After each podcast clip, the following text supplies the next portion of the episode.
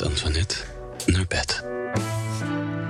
Hoe kreeg jij voorlichtingen vroeger? Kreeg jij een ongemakkelijk gesprek? Of werd er gewoon een boekje naar je hoofd geslingerd met de woorden... als je na dit boekje nog vragen hebt, eh, vraag het dan maar aan uh, iemand anders. Jasper Smit heeft een hele bibliotheek aan die boekjes verzameld. En hij heeft een, uh, een tas vol meegenomen. En het mooie is, kijk vooral mee met de webcam. Uh, het ligt allemaal hier op tafel, radioforall.nl. Het, het is van alles. Ik heb er stiekem een paar al mee uh, opengekeken. En ja, wat is dit bizar. Dit zit er dus echt van alles in. Um, Jasper, goedenavond. Hoi. Ik heb er net eentje gepakt. Ik dacht, nou, dit is een korte, een kleine... Uh, dat is vast handig en snel. Um, ik heb zes blote piemels gezien. Ja. Twee daarvan besneden. Um, ik heb één vulva gezien, um, maar dat was alleen met een eendebek erin. Ja. Er zit nog net niet een spiegeltje in. Ja, het is allemaal dus niet heel erg prikkelend of zo. Of dat je er met blijdschap. Nou ja, en vooral al heel erg vanuit een man geschreven. Zeker, maar al de boeken die ik hier... Er is eentje dat, waarbij een vrouw heeft meegeschreven... maar voor de rest zijn het allemaal witte mannen... die uh, ons gaan vertellen hoe het precies zit... en vooral vrouwen gaan vertellen hoe het zit. Oh, oké. Okay, dus hoe zit het, uh, Jasper? Je hebt ze allemaal gelezen? Uh, ja. heb je ze echt allemaal gelezen? ik heb... Ik heb, sommige dingen waren zo moeilijk om te lezen, maar ik heb de meeste heb ik inderdaad doorgelezen. Oh. Hoezo waren sommige moeilijk om te lezen? Omdat uh, vooral in het begin van de 20e eeuw werden er hele dikke, ja. zo weinig leuk mogelijke boeken geschreven. Zo droog mogelijk werd het al opgeschreven. Dus dat zijn pillen. Er is een, dan, er is een, uh, ik heb een Duits boek vertaald... en dat is gewoon 300 pagina's. Het heet Man en Vrouw. En dat gaat gewoon over alles met mannen en vrouwen. dus zij kunnen seks saai maken? Ja, oh zeker. Het wordt zeker. En heel vaak wordt het ook gewoon helemaal niet beschreven. En oh. er wordt vooral heel veel gezegd dat je niet zo moet aanstellen. Dat Wacht even, maar seks wordt niet beschreven, want er staat overal seks en zo. Of hoe maak je kinderen, of vooral hoe maak je geen kinderen. Ja. Voorboedsmiddelen veel. Uh, hoezo kun je dan niet over seks schrijven? Nou. Er zijn twee soorten seksuele voorlichtingsboeken natuurlijk hier. Je hebt ja. voor kinderen en voor volwassenen. En voor kinderen heb je een groot probleem. Je wil je kinderen namelijk beschermen tegen enge dingen. Ja. Dus je moet iets zeggen maar de meeste mensen willen natuurlijk niets zeggen. Dus ik heb hier een paars boekje liggen, ja. deze. Dit is hoe kinderen worden gemaakt, hoeveel babytjes worden gemaakt. Dit is een, in Amerika een heel bekend boek. En daar uh, leggen ze alles uit, slaan maar open, met ja. uh, vouwpapier. Vouwpapier? Ja, en, en, en classic eerste diepte. dus kijk maar. maar Waarom zie ik eerst, kijk, ja, dus, ik dus, zie eerst uh, een kip? Precies. Dus, maar als je het boek even kijkt, ja. kijk. En, hier staat er ook, de daad staat er natuurlijk ook in. Ook, nadat we een hondenpiemel hebben gezien. Ik wil net zeggen, er zijn nog meer meer, nog meer dieren zie ik. Het is ook allemaal van nee, knutselpapier Kijk, gemaakt. Dus oh. als je bloot bent, ben je, huh? zoals je ziet, ben je, uh, heb je geen uh, features en ben je wit. Het, dus dat is belangrijk. maar, dus als je het doet in bed, dan, ja. als je het dus niet zo doet, doe je het fout. Het ziet er zo uit. Ah. Dus je ligt lachend onder een deken. En dit is alles wat er te zien dus dit... Huh? Maar hoe, wacht, want, want staat er dan qua tekst staat er dan wel iets over ja, er staat wel, en zaadjes? Nou ja, uh, ja, dat is waar. En daar staat inderdaad ook wat, wat het, de daad is. Maar dat gaat. Uh, het is, uh, voor maar hoe moet je het dan doen? gewoon aanmodderen. Het, het eindigt ook echt met planten en dieren doen dat niet. Nee. En de vrouw vindt dat heerlijk. Oh, als mensenvaders en mensenmoeders een nieuw babytje maken, zijn ze getrouwd. Dit is waar. En wonen ze bij elkaar. Dit is ook waar. Wow, oké, okay, oké. Okay. Oh, hoe heb je zelf eigenlijk uh, deze boek... Heb je zelf ook voorlichtingen met zo'n boekje gekregen? Uh, nee, ik heb de classic voorlichting gehad. Dat, uh, we hadden een biologieleraar, meneer Landzaat. Ja, en die Landzaat. reed dan wel eens gewoon een car... met een enorme ouderwetse televisie en een videorecorder zo... Ja. Naar binnen. En ik weet dat we één keer een filmpje over seksuele voorlichting hebben gezien. En ik weet dat daar. Ik weet er nog twee dingen van. Ten eerste dat meneer Landzaat achterin de. Uh, klas stond te grinniken. Dus, oh nee. dus dat heb ik gehad. En blijkbaar was er iets, je zag iets van de daad. En, dat en dan zag je een tentje heen en weer schudden. Dat weet ik nog. En het hielp niet. Gewoon totaal niet. Uh, en voor de rest was er een boekje van de, de, de Rutger Stichting... waar ik uh, heel stiekem naar keek. Stiekem naar keek. Stiekem en er was, oh, en bedenk me nu opeens. Ja? Mijn ouders hadden thuis een erotisch boek. Oh. Waar ik soms heel stiekem in keek. En ik heb het een tijdje geleden teruggevonden in de kringelwinkel. En ik heb het dus ook gekocht. Ik dacht, deze moet ik thuis hebben. Ja, en stonden er, maar er stonden ook plaatjes in dan? Nee, dus het was alleen maar, dat was gewoon, uh, een, gewoon een literatuur. Maar dan zoals in de jaren zeventig literatuurporno literatuur. Literatuurporno? Ja, uitstekend Jan Wolkers of zo? Nee, het was, geen, het, het was Heren Herema, Heersema, ook Heren, Heren Heresma. Ook een beroemde schrijver toen. En uh, het heet De Hete IJssalon. Mm. En er zat in ieder geval één verhaal bij wat ik echt geweldig vond. Hoe ging die? Nou, het is een verhaal dat... Uh, het, het is volgens mij een man en een vrouw die naast elkaar zitten te zonnen op een strandstoel. Heel erg jaar zeven bij een zwembad. En het enige wat ze bij elkaar aanraken is hun hun grote teen raakt de kleine teen van de ander. En daar worden ze allebei super opgewonden van. En dat is het hele verhaal. maar dat kon ik echt wel hebben. Jaren 70, 80. Super jaren 70. Wauw. Oké, maar je hebt, je hebt er nog veel meer. Want sommigen hebben plaatjes, sommigen hebben dus uitgeknipte plaatjes. Ja. Um, deze ziet er ook heel oud uit. Maar ik zie er ook eentje met een kruis. Uh, waarom zit er... Wil ik weten waarom daar een kruis op zit? Nou ja, de meeste seksuele voorlichting werd gegeven door de kerk. En dus hierbij ook. En dat boekje, hoe heet het ook weer? De praktijk der voorlichting. Dus het is een keurig katholiek boekje hoe het gaat. En dat is heel erg wat je je voorstelt. Dus het gaat dan over dat je uh, zedig moet zijn en netjes. En dat je als meisje ook goed moet gedragen. Maar oh. het toffe hiervan is, is dat aan het einde staan een soort van mini-boekjes. Ja, oh ja. ja. Het is uitklapbaar. Precies. En daar zitten mini-boekjes. En dat zijn een soort foldertjes die je kan geven Oh, aan meisjes of jongens. Heel veel foldertjes. Ja, over het ouderschap en zo. Meisjes in de puberteit. Ja, en over jongens is het uh, iets van vijf pagina's over dat je niet aan jezelf moet zitten, oh ja, want dan ga je dood. Deze is wel echt een stuk dikker dan de meisjes. Precies. Uh... Want het meisjesboek gaat maar over één ding.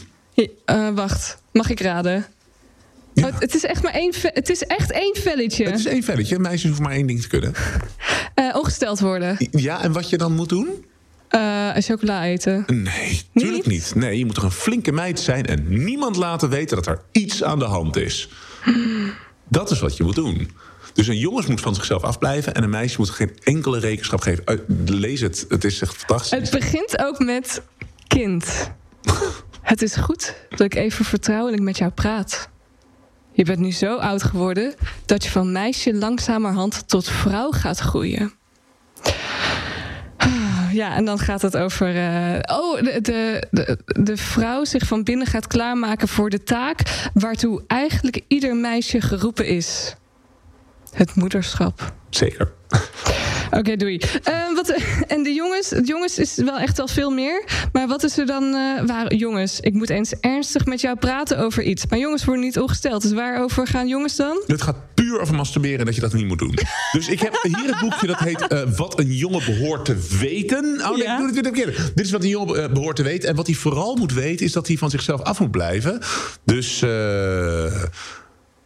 Uh, ach, waar zulk een toestand door ontwetendheid blijft bestaan, wordt masturbatie spoedig een vaste gewoonte en kan worden uitgeoefend met zulk geweld dat idioot zijn of zelfs de dood erop volgt.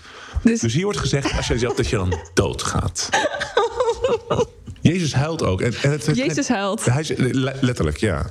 Dus dit is wat een jongen behoort te weten.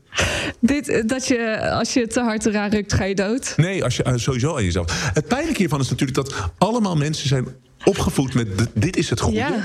En natuurlijk de mensen die het schreven, de witte mannen die het schreven, die zaten natuurlijk. Die zaten Ja. natuurlijk ook op zichzelf. Maar het feit. En het ergste. Ja, dat moet ik even vertellen. Ja, vertel. Oké, het eerste. Je, je kan je misschien afvragen. waarom is zo'n keurige eh, meneer begonnen met. het sparen van de, eigenlijk de eerste vraag die ik wilde Dat stellen. Maar er gekund. lag zoveel moois voor me. Nou, ik vond bij een vriend van mij in de kast dit boek. Alles wat u altijd al over seks wou weten, maar niet durft te vragen. Hier is een beroemde film van ook gemaakt. Ja. Dit is echt het standaardwerk over seks uit de jaren 60. Dus het is 1969, maar 68. En ik dacht, oh leuk, laat ik eens... Laat ik eens lezen wat daarin staat. En het blijkt dat het echt een verschrikkelijk boek is. Eh, eh, en het ergste is waarschijnlijk het stuk over homoseksualiteit. Het gaat dan, dan over hoe dat, eh, die mannen zijn eigenlijk alleen maar koud en seksbelust. En het is vreselijk en er is geen enkele liefde. En, ik kan je een stukje voorlezen over de typische homoseksuele ontmoeting. Ja. Maar dan wat, wat Dr. Ruben ja, denkt. precies. Dit is wel heel duidelijk. Dit is niet jouw kijk op homoseksualiteit. Dit is de kijk van David Ja, en David Ruben heeft dus dit boek uitgebracht. En daar hebben generaties Amerikanen zijn hiermee grootgebracht.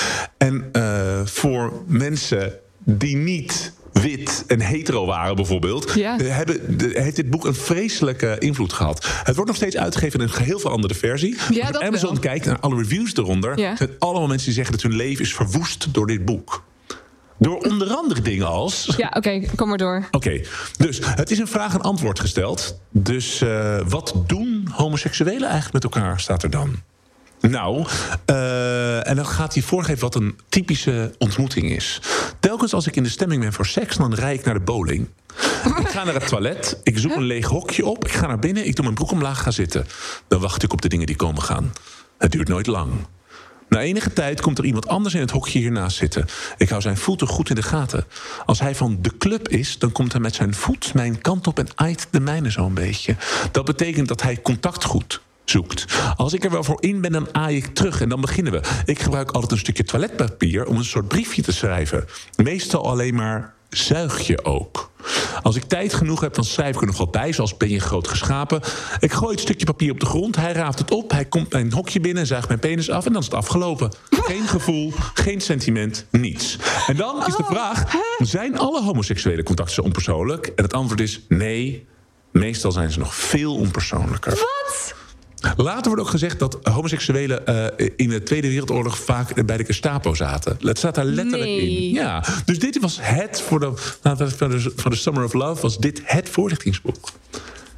Oh. Dus toen ik dit vond, dacht ik, maar dat is raar. Ja. Laat ik eens kijken wat er nog meer voor vreselijke dingen in staan. En toen ben ik, ik ga gewoon altijd als ik naar, ik ga van kringloopwinkels, Ja. ga ik altijd even kijken bij de seksuele vorderingsboeken. Mensen, ze kunnen staan bij psychologie, opvoeding en soms zelfs bij de kinderboeken. En als Ja. ik er eentje vind die ik nog niet heb, dan neem ik hem naar huis. En nu heb ik er 160. ik heb een kast vol met dit soort boekjes. 160. 160 seksuele vorderingsboeken. En van welke jaren heb je ze allemaal? Wat is de oudste? Wat is de nieuwste? Mooi. Nou, de oudste waarschijnlijk in Nederland is van Nelly van Kool. Mm, Nelly van Kool, zij was, eh, zij was een van de volvechters om kinderen eh, juist goede seksuele vordering te geven. Want het is niet zo dat we vroeger heel preuts waren en nu helemaal niet meer. Er is een soort golfbeweging Ja, het geweest. is altijd een golf Dus geweest. eind 19e eeuw waren we er juist heel erg voor om je kinderen juist wel te vertellen Ja. wat er komt. Nelly van Kool had als Aletta Jacobs groot kunnen worden als in iemand een voorvechter voor feminisme en zo en Ja. seksualiteit en eh, anticonceptie. Alleen Nelly van Kool heeft nadat ze dit boek heeft geschreven, nog wat dingen heeft gedaan, eh, gezegd dat de duivel in haar is gevaren en is in een nonnenklooster gegaan en heeft alles afstand gedaan van wat ze toen gedaan heeft. Maar dat boek heet, ik heb het, Moeder en Kind. Hoe men kieze onderwerpen met kinderen bespreekt. En dat is eigenlijk een hele mooie, liefdevolle seksuele voorlichting. Nelly van Kool, Oké, en, dus, en, en hoe oud is die? Welk jaar? Eh, ah, eh, 1885 ongeveer. Dus dat is het eerste Nederlandse soort van officiële voorlichtingsboek. Wauw. En, maar ver- verzamel je ook de nieuwe? N- Nou, nee, want die liggen vaak nog niet bij de kringloopwinkel. Oké, dus ik heb wel wat nieuwere. Ja. Maar meestal zijn ze al minstens tien jaar oud. Oké, jeetje, een- een 1885. Nou ja, kijk, het ding is, seks verandert natuurlijk niet. Nee. Dus eh, wij, eh, en wat, er, wat we doen met seks verandert natuurlijk ook niet. Maar de maatschappij verandert wel. Dus eigenlijk is seksuele voorlichting, wat we vertellen aan onze kinderen over seks, een supergoeie manier om te kijken hoe een samenleving verandert. Hoe de zeden veranderen. Wat we durven te vertellen aan onze kinderen. Pas toen het Kinsey Report kwam, kwam er erachter dat alle vormen van seksualiteit altijd al normaal zijn. Ja. Maar het is niet wat er in de boeken staat. Dus de seks is de constante factor. Wat we vertellen is veranderd. Want eh, je hebt ook, eh, nou ja, hier staan ook veel plaatjes in. Zijn ze hier iets opener over iets... eh, Is het seks en zo of deze? die, ja. Dit is Kan ik trouwen met mama? Kan ik trouwen met En mama? dit is een van mijn favoriete boeken. Nee, nee, maar dit is fantastisch. Want kijk, wat- waar we het niet eens over nadenken... is dat seks is natuurlijk altijd in een context. Ja. En de meeste van deze boeken die oude niet, die gaan, over een, uh, die gaan heel erg over een, uh, een context die religieus is. Mm -hmm. Maar natuurlijk, dit boek gaat namelijk over relaties en welke rol seks daarin kan spelen. Mm -hmm. En dat is super leuk, want eigenlijk zijn er heel veel boeken waarin dat niet staat. Dus dit is even mijn favo's. Echte vragen van kinderen. Kan ik trouwen met mama? Waarom kan mijn zusje niet praten? Waarom kan mijn zusje niet praten? Ja, nou, dan zeggen ze omdat ze nog te klein is. Dan moet het oh. groter worden. En hoe worden baby's gemaakt? En dat leggen ze op dezelfde toon uit. Echt prachtig. Maar, boek. want is dit dan wel een uh, seksuele voorlichtingboek? Ja, kijk, dat is lastig. Ik vind ook kinderboeken die gaan over het menselijk lichaam... waar één ding staat over seks, die, die wil ik niet in mijn verzameling hebben. maar ik vind het heel mooi. Vragen over kinderen. Want eigenlijk wil je natuurlijk helemaal geen seksuele voorlichting. Je wil relationele voorlichting. Ja. Dat is natuurlijk wat je wil, waarin seks een logisch onderdeel is.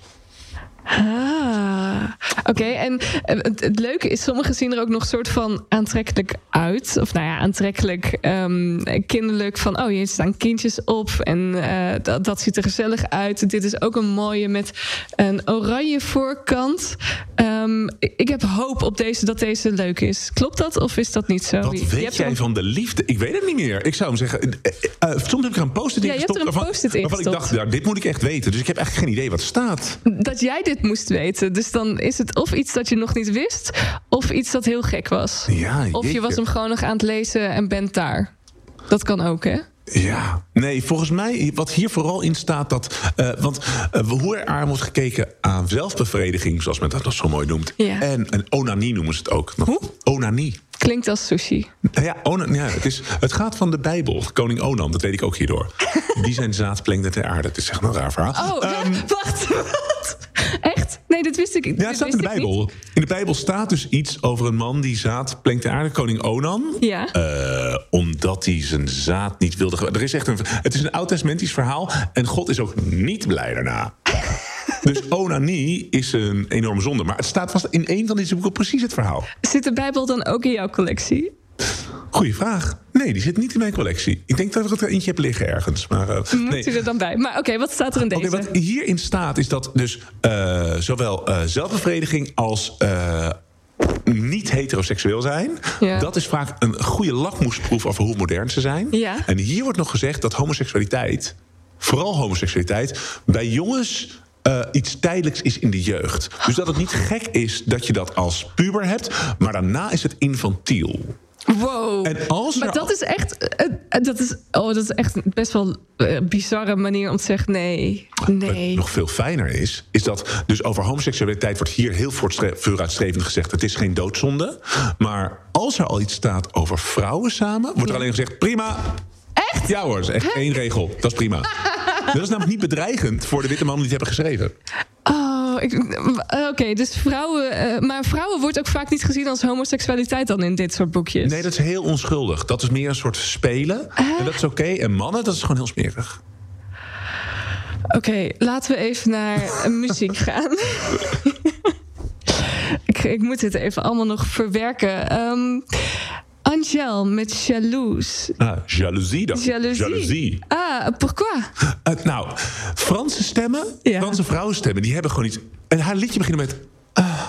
En dat, ik weet ook niet. Het is, ik heb zelfs een keer gehad dat ik gewoon echt in Frankrijk... dat ik echt stond op een station en dat ze iets omroepen met een uh, perron. En ik denk, nou, nou, nou. Hier zit iemand heel erg... Uh, ik weet niet, is het, is het toeval dat al die Franse stemmen... die hebben deze...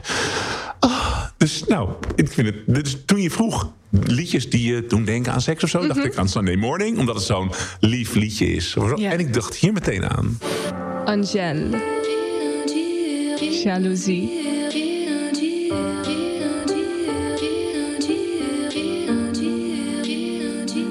het is wel een heel lief, zoet, maar ook wel weer heel sexy liedje. Ja, en het gaat over jaloezie. En uh, ik heb één keer volgens mij die video erbij gezien. Mhm. En het is soort van, het heeft een heel hard randje of zo. Dus ik vind het heel tof. Ah, maar het okay. gaat volgens mij echt helemaal niet over seks. Zo. Maakt niks uit. Het hoeft er ook niet. Het nee, het hoeft niet. Je luistert naar Met Antoinette naar bed en naast mij in bed... seksuele voorlichtingenboekjesverzamelaar Jasper Smit. Ja, dat is niet mijn baan, maar dat, dat doe ik erbij. dus mijn side hustle is dat ik seksuele voorlichting. Ik, daar kan ik heel weinig aan verdienen. Maar als je een baan voor me hebt als verzamelaar van seksuele voorlichtingsboeken... voor 96 uur in de week, doe ik mee. Oh, hartstikke leuk. Vraag me gewoon.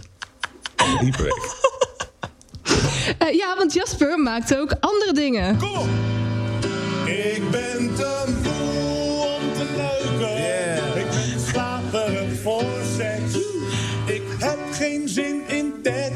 Dat schrijf je met een cirkelvlek. Ja, Zo oud om dit? te neuken. Om te neuken. Hoe, hoe lang is dit geleden dan? Oh joh, dit is denk ik echt al uh, 15 jaar geleden of zo dat ik het liedje heb geschreven.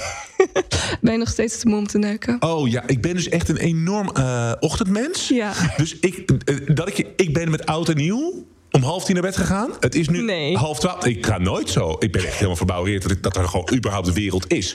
Maar ik ben dus een ochtendmens. Ja. Uh, en ik hou dus ook heel erg van het ochtends doen. Ja, het, het, hoeft niet over seks te gaan, maar ik vind het wel leuk om dat wel te hebben. Ja. Maar uh, ik heb een kind. Ja. Dus dat is uh, jammer. Want dat kind is namelijk wakker. En het wil dan eten en spelen. Dus ik heb echt ochtends doen gewoon niet meer. Nooit. Hoe kwam ik hier terecht? Te moe om te neuken. Oh, dus uh, te moe om te neuken, dat heb ik geschreven in een grijs verleden. maar ik vind het zo leuk om ook daar kwetsbaar over te zijn. Dat je, dat je denkt, ik zeg heel vaak tegen mijn lief... ik wil het aan zich theoretisch super graag met je doen... Maar, maar ik ga nu slapen. Ik heel fijn. Heel prettig om te zeggen. Ik wil graag. Maar ik, nou, ik denk dat mijn partner dat, dat niet leuk zou vinden als ik zou zeggen: Schatje, ik hou van jou. En in theorie kunnen we het doen, maar vanavond niet. Ja, maar dat, het mag toch? Jawel, maar Als dan... je er geen zin hebt, maar ik heb gewoon geen energie. Nee, maar dan ga je eerst zo die hoop opbouwen van... oh, misschien, misschien, hè, misschien... Ja, maar niet vanavond. Nee, maar of... Maar als je niks zegt, dan blijf je de hele tijd zo... Uh, zo. En als je dan bijvoorbeeld een partner hebt die bijvoorbeeld naast je ligt... dat noem ik stempelen. Mm -hmm. Dat je gewoon zo'n beetje tegen iemand... Stempelen? Ja, stempelen. Dat is gewoon lepeltje, lepeltje. Nou, ja, maar dan dat één iemand zin heeft en de ander niet. Dus dan lig je een beetje te stempelen. Sorry. En dat is gewoon niet tof. Dus dan kan je beter van tevoren zeggen... hé, hey, ik vind je heel lief, misschien morgen. Toch? Gooi het in de planning. Dan lig je daar te stempelen. Oké. Uh, we hebben ook wat uh, vragen binnengekregen. Chantal vraagt: uh, wat vindt je partner ervan dat je deze boekjes verzamelt? Nou, dat is een hele goede vraag. Um, zij kan het wel echt wel waarderen, maar ik moest het natuurlijk wel in het begin even uitleggen. Hoeveel als... had je er al toen je met haar. Ja, toen had ik er al ook al 120. Dus, en toen ik er dus voor het eerst mee naar huis nam, dacht ik wel: oké, okay, nou, dit is mijn huis, dit is mijn kat, dit is mijn bank, dit is mijn kast vol seksuele voorlichting. En toen moest ik eerst zeggen: oké, okay, ik ben geen smerige gast. Uh, wel smerig, dat wel zo, maar niet zo smerig. Uh, maar ik ook uit, en toen probeerde ik het uit te leggen. En na een tijdje was het duidelijk dat ik zo nerd was dat het waarschijnlijk prima was. Oké, okay, was dit uitlegbaar? Ja, nee, nou ja, wat ik ook zei, is dat de maatschappij kan je ook een beetje zien hoe het zich ontwikkelt door seksuele voorlichting. En het is niet, dit lees je niet uit opwinding.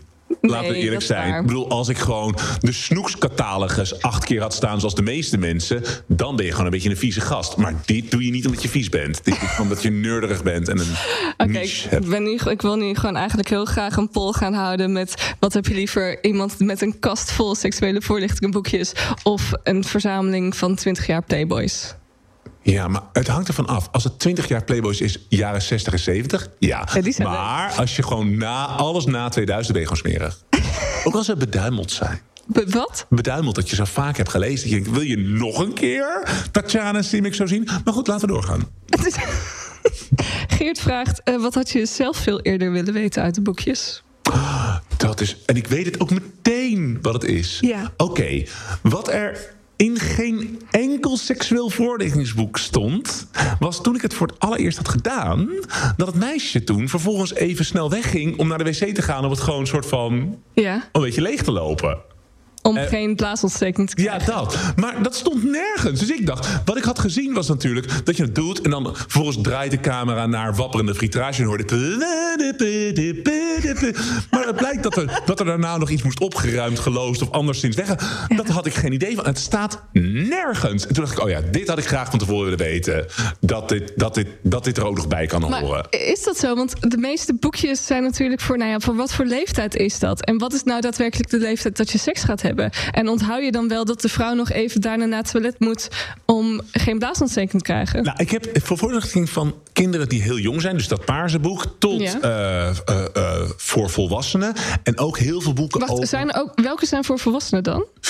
Nou, alles wat u altijd over seks wilde weten, natuurlijk. En bijvoorbeeld de eerste keer liefde, de eerste keer seks, die is voor Oh ja. tieners. Oh ja, oh ja, maar deze had hele mooie plaatjes en ook hele ongemakkelijke Ja, plaatjes. dat je denkt bij dat plaatje op de achterkant, wat je nu ook dat richting camera, Ja. dat je denkt, oh, maar dat is echt een goede. Want je ziet dat meisje echt dit doen. Ah, ga Ja, weg, blijf zij wil af. niet. En er zijn heel veel boeken. Ik zie dat ik er nu geen van bij me heb over voor jong gehuwden. Jong gehuwde. Ja, dus dat, want in principe ga je natuurlijk als maagd het huwelijk in. In als, principe. als net mens. dus daarna Ja. heb je wat voorlichting nodig over hoe je dat dan vervolgens gaat doen. En daar zijn heel veel boeken over geschreven. Hoe je dat gaat doen. Hoe je het. Oké, maar dan moet je wel eerst gehuwd zijn. Dus dan moet je dat boekje. Mag je pas lezen na de trou- trouwerij. Zo is het. Zo. Ja. Dus dan moet je het eerste keer proberen en daarna. weet je pas echt wat het goede gaatje Volgens is. mij kregen veel mensen het van, eh, van ouders zwijgend uitgereikt tijdens de verloving. Ik zie ook hier een, een, een quiz met hoe staat het met je zelfrespect. Nou, Dus dat vind ik wel een, een mooie dat het ertussen zit. Over en uit. Oh, wat leuk. En ook. eh, oh, oh, ja. Eh, d- dat verbaast me dus ook heel erg van sommige voorboedsmiddelen. Dat die eigenlijk echt al heel, heel oud zijn. zoals Pessarium bedoel Ja, je? Pessarium. Ja, die hadden we hier in dit boekje. Want eh, eh, dus seksuele voorlichting, nee, voorbehoedsmiddelen... Ja. werden heel lang gewoon... Er is een enorme strijd geweest dat die, mo- dat die mochten, hè? Want Mhm. in- dit is een plaatje van een Pessarium. Dit is echt een heel oud boekje, het valt bijna uit elkaar. Hier is een Pessarium. Dus het idee dat je eh, de voortplanting tegenhoudt... Ja. is tegen de wil van God. Dus het feit dat Aletta Jacobs, de eerste Nederlandse Mhm. vrouwelijke arts... eh, ze- eh, voorlichting gaf en voorboedsmiddelen uitgaf... heeft haar doodsbedreigingen opgeleverd. Ja. En vreselijke dingen. Dus dit, soort, dit is een boekje, dat heet De toepassing der voorboedsmiddelen tegen zwangerschap... is een puur ehm, medisch boek voor als er een reden was... dat je niet nog een kind mocht krijgen. Je moest een medische reden hebben om niet nog een kind te willen. Ja, want anders was het niet. Anders, waarom, je gaat toch niet stoppen met kinderen krijgen? Het idee is juist dat als God wil dat jij een kind krijgt, krijg jij een kind. Oké, en, en wat voor toepassingen zitten erbij? Eh, nou, hier zitten dus een paar classic dingen in. Dus inderdaad, een Pessarium, dat werkt. Maar wat geweldig is, dat er een heel rij staat van... eh, van ze gaan ook even kijken naar dingen die, die ze ook hebben gehoord... die zouden moeten werken en of dat zou werken. En de fijnste daarvan... Zouden moeten werken, Ja, maar niet zeker zijn of het wel of niet werkt. Dus er is een hele lijst. Ik zal je even van twee vertellen wat ze zei. De ene is het inhouden van de adem. Wacht, wacht, wacht. wacht. Je, als je je adem inhoudt, dan kan je niet zwanger worden. Ja, dus dat... eh, Dus De man gaan, of de vrouw? Nou, de, de goede vraag. Ik ga het voorlezen. Ja, doe het. Soranus, een Romeins geneesheer, gaf aan, dat, gaf aan ziekelijke vrouwen de raad om, oh, dat aan vrouwen dus, Mhm. op het ogenblik dat de zaaduitstorting plaats zou hebben, de adem in te houden. De Hongaarse dokter Lindner verzekert dat dit middel nog heden ten dagen bij hem te landen ter voorkoming te ontvangen is toegepast. Want in Hongarije doen ze het nog. Het middel vergt echter zoveel zelfbeheersing dat slechts weinigen het met goed gevolg zullen kunnen in de praktijk brengen. Weet je wat er gebeurt als een vrouw haar adem inhoudt? Tijdens, tijdens het orgasme bedoel je van de man? Nee, maar je wordt krapper. Oh. oh dat is helemaal niet... Ja. En de andere die echt vreselijk... Ik zeg dus geweldig, maar ik bedoel geweldig omdat het zo vreselijk is... is de surprise. Dus het idee was... Ja. Het, het wordt vooral... Oké, het idee Ja. is dat je. Het was vooral voor soort van rijke mensen. eh, a- dat als je bijvoorbeeld de dienstmeid door de gang liep. en je besprong haar. en je deed het zo snel mogelijk met haar. dan had haar lichaam niet door dat er seks werd gehad. waardoor ze niet zwanger kon worden. Dus eigenlijk staat erin, als je iemand verkracht, kan ze niet zwanger worden. Precies, dat staat daarin. Er wordt gezegd dat het niet werkt. Dus dat. dat de- maar de, dit Oh. boek geeft er geen oordeel over. Het, geeft alleen, het zegt alleen of het werkt of niet. Zo bedoel, dus het geeft geen waardeoordeel over de verschillende manieren van voorbehoedsmiddel. Ik vind dit zo bizar. Dit is ook de reden waarom de, voor, de voorlichtingsboeken sparen is natuurlijk hilarisch Ja. en heel heftig. Ja. Want je zegt hier, er worden grove, levensveranderende leugens verteld aan kinderen. Ja. Die echt, die, ik bedoel, als je. Er zijn zoveel mensen die, nou ja, die, die, waarvan hun leven beter had kunnen zijn als ze betere voorlichting hebben gehad. En dat gebeurt nog steeds. Ja. Natuurlijk. Er wordt nog steeds allemaal rommel verteld. Ja, en eh, nou ja, pas sinds 2021 staat de volledige clitoris um, in een, boek, in een biologieboek. Uh, dat heeft zo lang geduurd. Ik had stiekem de hoop dat hij wel al ergens ooit in heeft gestaan, maar er weer uit is gegaan. Maar het is, het is nee. Helaas, toen um, piemels, piemels overal, maar. Um, maar vrouwen niet. Je wordt er een beetje verdrietig van. Ik word er heel ja, verdrietig van, ja. dat moet ook wel, want het is heel erg op de daad. Mm het gaat heel erg over het genot van de man. Het genot van de vrouw komt eigenlijk niet aan bod. Het hele idee van dat uh, vrouwen op een andere manier een orgasme krijgen dan vaginaal wordt sowieso weggehaald. Want dat is helemaal niet belangrijk. Ja, maar als deze mannen eh, seks hebben met vrouwen alleen maar vaginaal, dan hebben deze vrouwen dat ook nooit meegemaakt. Is de kans heel klein dat ze dat hebben meegemaakt? Alleen de vraag is: ik denk niet dat wat hierin staat de werkelijkheid is. Ik denk dat seksuele praktijk tussen mensen die samen zijn en, en langzame seks hebben. Mhm. Ik vraag, ik, je weet gewoon niet. Dit is voorlichting. Maar wat mhm. gebeurt er echt bij mensen thuis? Ja. Wat we, wat we weten, bijvoorbeeld van het Kinsey Report, is dat er heel veel gewoon, dat er heel veel schakeringen zijn. Dat er van alles gebeurt. Onder uh, weg van de kerk, weg van de mhm. boeken. doen mensen hun eigen ding. Ja, precies. Ja, dan zou je bijna anoniem een, een seksuele voorlichtingboek schrijven... om wel echt te schrijven wat het is. Ja. Want hier staan natuurlijk wel namen bij. En dan kan het wel herleiden van... oh, doe jij dit met je vrouw? Oh, ja.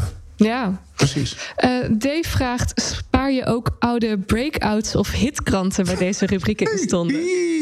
Nee, maar dat is echt een heel goed idee. Om gewoon de oude hitkranten, want die lazen mijn zus en ik vooral om de smerigheid, om die te doen. Nee, maar dat is echt een hele goeie. Mm. Ja, dit is, nee, dat doe ik niet. Maar als ik nu dus een stapel hitkranten vind in de kringloop, dan ga ik er wel hard voor. Dat weet je. Die mogen er dan bij.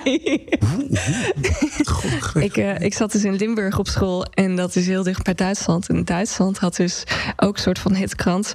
waar dan uh, ook elke keer twee mensen naakt in stonden. En dat was toch wel heel erg spannend. Ja. het was niet mooi, het was niet knap, het was niet sexy, maar het was wel heel spannend. En daardoor informatief. En zeker heel informatief, ja, dat is waar. Je hebt nog meer muziek meegenomen. En ik moest, ik moest heel, heel erg aan denken, want toen ik jou belde met wil je langskomen, toen zei je ja, wat voor muziek mag ik meenemen? Mag ik ook foute muziek meenemen? En toen zei ik, ik wil geen R. Kelly. nee, niet zo fout inderdaad. Maar je hebt Steely Dan met Cousin Dupree. Oké, okay, dat moet ik uitleggen. Oké, ik ben dus liedjeschrijver en ik ben geobsedeerd door liedteksten. Ja. Uh, en ik vind het soort van heel tof als er liedjes worden geschreven over uh, over, over seksuele gevoelens die niet kunnen. Omdat het daardoor ook soort van uh, kwetsbaar is. Dus Steely Dan heeft een liedje geschreven, dat heet Cousin Dupree. Mm En het gaat, het, de teksten van, uh, die hij zingt zijn wat vet moeilijk te begrijpen omdat hij iets heel onduidelijk zingt en ze zijn heel bloemig. Maar het gaat dus over een cousin Dupree. Een man die uh, uh, weer uh, gaat wonen bij het huis bij zijn nichtje. Ja. En dat met zijn nichtje wil doen. En na een tijdje... hij geeft haar soort van... Het is een soort Lolita-complex dus. En hij geeft haar soort van ook de schuld dat zij hem zo geil maakt. En vervolgens maakt hij een soort van een move. En dat zij zegt: Waar denk jij nou dat je mee bezig bent, gast? En dat is heel vet. Dus het gaat erover dat het niet kan. En het liedje is daardoor ook gaaf, omdat het mannen zijn die zeggen: Kijk, dit wat er gebeurt kan echt niet. En dat vind ik tof. Ah, oké. maar dat is wel maar één zinnetje dat je goed moet luisteren. Want anders is de hele tijd: Ik vind mijn nichtje leuk, ik vind mijn nichtje leuk. Maar het is heel smerig, want hij zit dus de hele maar, maar hoe ze hem beschrijven, ze beschrijven hem ook als een heel vies mannetje. Oké. Dus, maar dat haalde ik eruit. Goed luisteren dus. Steely Dan, Cousin Dupree. Zo lang, zo liedje. Zo lang. Hij blijft ook doorgaan met A Kiss for Your Cousin Dupree. Ja, heel vies. Ik, vind, ik vond het al zo fijn dat tijdens corona al dat drie kussen eindelijk weg was. En dit is nog anderhalve minuut. How about a kiss? Het is zo smerig. Het is echt smerig. Ik had er nog veel meer, maar die heb ik je allemaal niet gegeven. Dankjewel. je luistert naar Met Antoinette naar bed. En naast mij in bed, het is niet zijn baan... maar toch heeft hij een hele verzameling seksuele voorlichtingen boekjes. Jasper Smit. Hallo. um, dit is het moment om een erotisch verhaaltje voor te dragen. Ja. Heb je hem voor je? Ik heb hem voor me. Kan je hem ook? Oh, je gaat ook al heel lekker oh, in je ik laag. Heb deze inderdaad. Oh. ja, dat vind ik heel fijn. Um, ben je er klaar voor? Ik ben er, ik ben er zo klaar van als ik kan zijn. Heb je er zin in? Ja, nou, ik heb nog nooit iets gedaan. Ik ga het doen. Mag je voordragen? Het is laat in de avond. Ons kind slaapt eindelijk en ik lig uitgeput op de bank televisies te kijken. Bij elk programma dat ik voorbij zep, denk ik: nee. Nee. Hmm, nou, misschien. Nee, toch nee. Ik begin me een beetje te vervelen. Naast mij zit mijn lief een kruiswoordpuzzel te maken. Wanneer ik naar haar leun om naar de puzzel te gluren, trekt ze het boekje naar zich toe en zegt ze: Ja, deze wil ik zelf maken. Zo praat ze niet echt. Ik ga het. Deze wil ik zelf maken. Met een zucht zep ik nog een paar keer. En mijn vriendin vraagt: Verveel je je? Volmondig antwoord ik ja. Uh. Ze staat op van de bank zonder iets te zeggen en ik kijk hopeloos naar haar terwijl ze de kamer uitloopt. Ik zucht nog een keer en zie het puzzelboekje open liggen. Twee lusjes samen. Zeven letters. Twee lusjes samen. Strikje. Zal ik het invullen? Nee. Oké. Okay. Ik pak het boekje om het toch in te vullen, maar plotseling staat mijn lief in de deuropening. Ik laat het boekje uit mijn handen vallen. Ze draagt rode hakken en een wit lingeriesetje met witte kniekousen. Zo, zegt ze, terwijl ze naar me toe loopt. Dus jij verveelt je. Ik probeer iets te zeggen, maar er komt slechts een beetje ge uh, uh, uit mijn mond. Ze staat voor me. Ik knipper nog eens met mijn ogen. Is dit echt? Zeg ik per ongeluk hardop. Ja, zegt ze. En ze zet een rode hak op de bank. Ik kijk ik zou dus nu ook dan denken, maar dan wordt de bank vies. Dan wordt even je hak uit doen. Dan moet dat allemaal weer. Het is verloren. Het is een fantasie. Ga oh, ja, ja, ik ga er worden. het is erg dat ik in mijn fantasie. Moet ik dit afnemen? Moet dit vochtig worden afgenomen? Moet je dit deppen? Oh, goed, moet er zout op? Nee. Ik kijk haar, via haar hakken omhoog, langs de witte kousen. En op ooghoogte, naast mijn gezicht, bovenaan de witte kousen, zit een wit strikje. En ze vraagt: Kom, pak me uit als een cadeautje. Ah. ah. Mooi. Toch jammer dat je bijna afgeleid was. De ADHD, hè? Ja, ben je snel afgeleid ook tijdens seks? Nou, eigenlijk niet. Ik moet wel vaak nog eventjes dat er gewoon even wat willekeurige dingen... oh, en melk kopen, dat dan moet ik eventjes uit mijn hoofd. Maar na een tijdje merk ik dat ik me er echt aan overgeef. En dat is het heerlijk. Want dan is het ook gewoon... ja, dan wordt ook gewoon alles weer eventjes gedefragmenteerd. En dan ben ik weer heel erg chill. Ja, ah, goed. Uh, hoe was het om dit voor te lezen? Ja, heel leuk, maar ook heel raar. Hoezo ik, raar? Nou, ik lees dat soort dingen nooit voor. Dus ik, grappig. Ik voelde mezelf al heel modern dat ik iets van een telefoon voorles. 45 mensen. Ik ben oud. Ik ben oud. Geef een stencil. Stencil? Nou, heel leuk. Maar uh, ben je een beetje van de dirty talk? Echt totaal niet. Echt niet? Nee, echt helemaal niet. Maar hoe, hoe zorg je er dan voor dat, dat jullie, als je zin hebt... hoe zorg je dan dat je je, je lief mee kan nemen naar de slaapkamer? Ik ga vroeg naar bed. dus ik ga nu vroeg naar bed, zegt een van ons. Dan stampt een van de tweede trap op en is meestal duidelijk. Wat is het?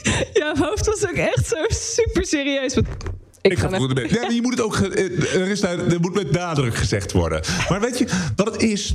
Um, Mm, seks gaat dus ook heel vaak over dat dingen opwindend en seksuele fantasieën en een soort van mm -hmm. erotisch en dat soort spannend geladen zijn. Maar mijn, mijn kleine ervaring met seksualiteit is dat ik het heel fijn vind, juist als het ook soort van knus en met z'n tweeën en heel aards is en helemaal niet te maken heeft met dingen met kant of zo. Maar die gewoon te maken hebben met dat je samen gewoon elkaar wil vastgrijpen. En het gewoon wil doen in je eigen bed met z'n tweeën. Gewoon soms omdat je het gewoon wil. En dat het dan dat lekker alles weg is of zo. Dat heeft voor mij, zou ik bedoel, het heeft voor mij weinig, denk ik. Maar dat komt ook omdat ik nu in een in mijn lange relatie zit, vind ik het ook juist heel fijn daarmee. Als je een begin met iemand samen bent, is het ook allemaal heel spannend en aftasten. En letterlijk en figuurlijk. En wat vind je leuk en wat vind ik leuk. Maar het lijkt nu, nu ik lang in een relatie zit, is het steeds ontspannender. En is het daardoor steeds meer dat je gewoon elkaar wil vastgrijpen. En dat je inderdaad ik ga nu vroeg naar bed. en dan gewoon gaan we doen. Maar is het dan niet juist in een lange relatie dat je op een gegeven moment denkt... oh, als ik nou dit sitje koop, misschien is dat wel leuk... voor als ik vroeg naar bed ga? Nou, daar hebben we het heel soms over. We zeggen wel eens tegen elkaar... Um, eigenlijk is het helemaal niet zo spannend wat we doen... Maar het is wel heel fijn, toch? En dan zegt de ander, ja, ik vind het eigenlijk ook heel fijn. En ik, ik zeg meestal dan letterlijk... we hoeven niet in de kroonluchter te hangen. We hebben geen kroonluchter, maar bij wijze van spreken... we hoeven niet enorme dingen te doen. Het gaat er toch om dat we het superleuk vinden? Mhm. Nou, en dat, zo is het. Dus er is ruimte voor, maar op dit moment vinden we het allebei super awesome zo. En ik moet wel zeggen, aangezien we een kind hebben... is het feit dat je al tijd hebt voor elkaar... is aan zich al best wel opwindend. en zeldzaam. Ik heb zelf geen kinderen, maar ik moet dan meteen aan al die 90s en zero's sitcoms denken... waar dan de kinderen eindelijk slapen of bij vrienden zijn. Dat is echt zo'n... Ik heb vijf minuten voordat de wasmachine weer stopt en dat soort dingen. Ja. Het is altijd maar vijf minuten. Ja, accuraat. Echt? Echt? Nee. Ik snap nu waarom zoveel uh, millennials zo laat beginnen met kinderen. Dit zijn niet de verhalen die we willen horen. Ook al deze boekjes, dit zijn niet de verhalen die we willen horen om te zeggen: ja, leuke kinderen. Nee, en wij kunnen het toch op waarde schatten. Maar al die kinderen die dit voor hun kies hebben gehad... die namen het gewoon aan. Blijkbaar is het waar. Ja, ik vind het wel leuk dat er... Dus ik, ik was er eentje aan het doorbladeren... en daar stond er ook... Uh, wat dacht je van notarieel contract? Ja, wat dacht je van een notarieel contract? Daar hebben we het nooit over op zender. Nee. nee, maar dat vind ik wel echt een hele goeie. En, en heel vooruitstrevend. Ja. Dus dat, dat kan ook nog. Volgens mij is dit wel die... Uh, deze was wel leuk. Hier stonden en foto's en tekeningen in. Het lijkt wel alsof we altijd mot hebben. Nou, maar dit zijn echt relatietips. Ja. Wat wel is, die is, oh, de eerste keer liefde, de eerste keer seks. Ja, maar, maar de, de fotomateriaal vind ik daar wel vrij schokkend, inderdaad. Ja, precies. Het is wel die ene waarvan het waarvan lijkt alsof het meisje. Gewoon weg wil. weg. Gewoon ergens naar huis. Blijf me af. Heel vaak gaat het in dit soort boeken ook over de clubs waar je dan van lid kan worden en hoe je elkaar dan tegenkomt. De clubs? Ja, dat je een hobbyclub of zo, of dat je een zangclub of oh. zo, of dat je elkaar zo tegenkomt. Ja, oh, oh, maar dat is wel handig. Want ik, ik had dus laatst een vriendinnetje. En zij zei ook: maar waar, waar kom ik die mensen tegen? Ja. Waar heb jij je partner ontmoet? Nou, ik heb mijn partner van Tinder. Uh, en dus we zijn echt een Tinder-huwelijk. Dus het kan. Nou, het moet zelfs. Kijk, moet. Ik, nou, kijk. Er is dus een heel verhaal dat seks altijd spannend en dit en dat moet zijn. Maar voor mij was er in ieder geval... had ik heel erg het gevoel, een soort verwachting... van hoe ik het moest doen met meisjes en zo. Namelijk, ik moest naar de kroeg of naar de disco... en dan uh, praten met en dan hey, zeggen... na heel veel bier drinken zeggen... hé hey, schatje... En dan moest ik een tijdje met haar gaan muilen ergens. En dan als we klaar waren met muilen... moest ik haar dan mee naar huis nemen. Moest een wilde nacht hebben en dat was het dan. En dan moest ik gewoon de hele stad afwerking. Maar zo ben ik helemaal niet. Ik Ja. kan het ook helemaal niet. En ik heb het jarenlang soort van meegaan met groepen vrienden die allemaal enorm aan het jagen waren. Maar ik ben dat helemaal niet. Totdat ik eindelijk, toen ik begin 30 was, dacht: ah, fuck it, ik ga gewoon op e-matching. Dus, en dan neem je gewoon een profiel en dan krijg je een berichtje van iemand. En die wilde met jou daten. En dan, nou, dan kan je rustig over nadenken, iets terugschrijven. dacht ik: dit is veel meer wat ik wil. Ik wil gewoon met iemand leuk contact hebben. En er ook over na kunnen denken. En niet om half drie s'nachts. Ik ben een ochtendmens. Dus om half drie s'nachts, na elf uur s'avonds ben ik sowieso geen reet waard. Dus dit is, ik, ben, ik weet het ook morgen niet meer. En aangeschoten in een disco. Ja. Waar ik alles niks van. Met een of andere meisje. Nou, ik vond het vreselijk. Dus toen ik dat eenmaal achter was, ben ik pas echt gaan daten. Echt internet daten. En ik dacht dat internet daten voor trieste mensen was. En? Nou, een van mijn eerste dates die ik had... het was dus op eh, e-matching. Ja. was een meisje die was echt hysterisch mooie foto's. Dat ik dacht, nou, waarom dit meisje met mij uit wil... echt totaal Was onduidelijk. het dan wel een echt profiel? Nou, dat bleek zo te zijn. Ja. En ik sprak met haar af. En het was ook meteen duidelijk dat ze echt heel leuk en mooi en intelligent en echt alles. En, En? Nou, we merkten denk ik allebei binnen een paar minuten dat er gewoon geen vonk was. Dat het hem Oh. gewoon niet ging worden. En dat was echt een heel belangrijk moment voor mij. Dat ik dacht, oh ja, jij bent dus heel leuk en heel mooi. Eh, en ik wil heel graag wel iemand. En ik denk, ik krijg nooit meer iemand, want niemand wil mij. Maar ik denk dat het goed is zo. En er zijn vast andere mensen met wie ik graag ook kan. En toen dacht ik, oh, zo werkt het.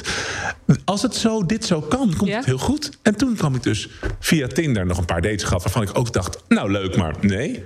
En toen kwam ik mijn lief tegen. En toen was het al, ik weet nog dat ik ze zag. Ik dacht, oh, haha, dit gaat heel lang duren. En zo, ik had gelijk. Oh.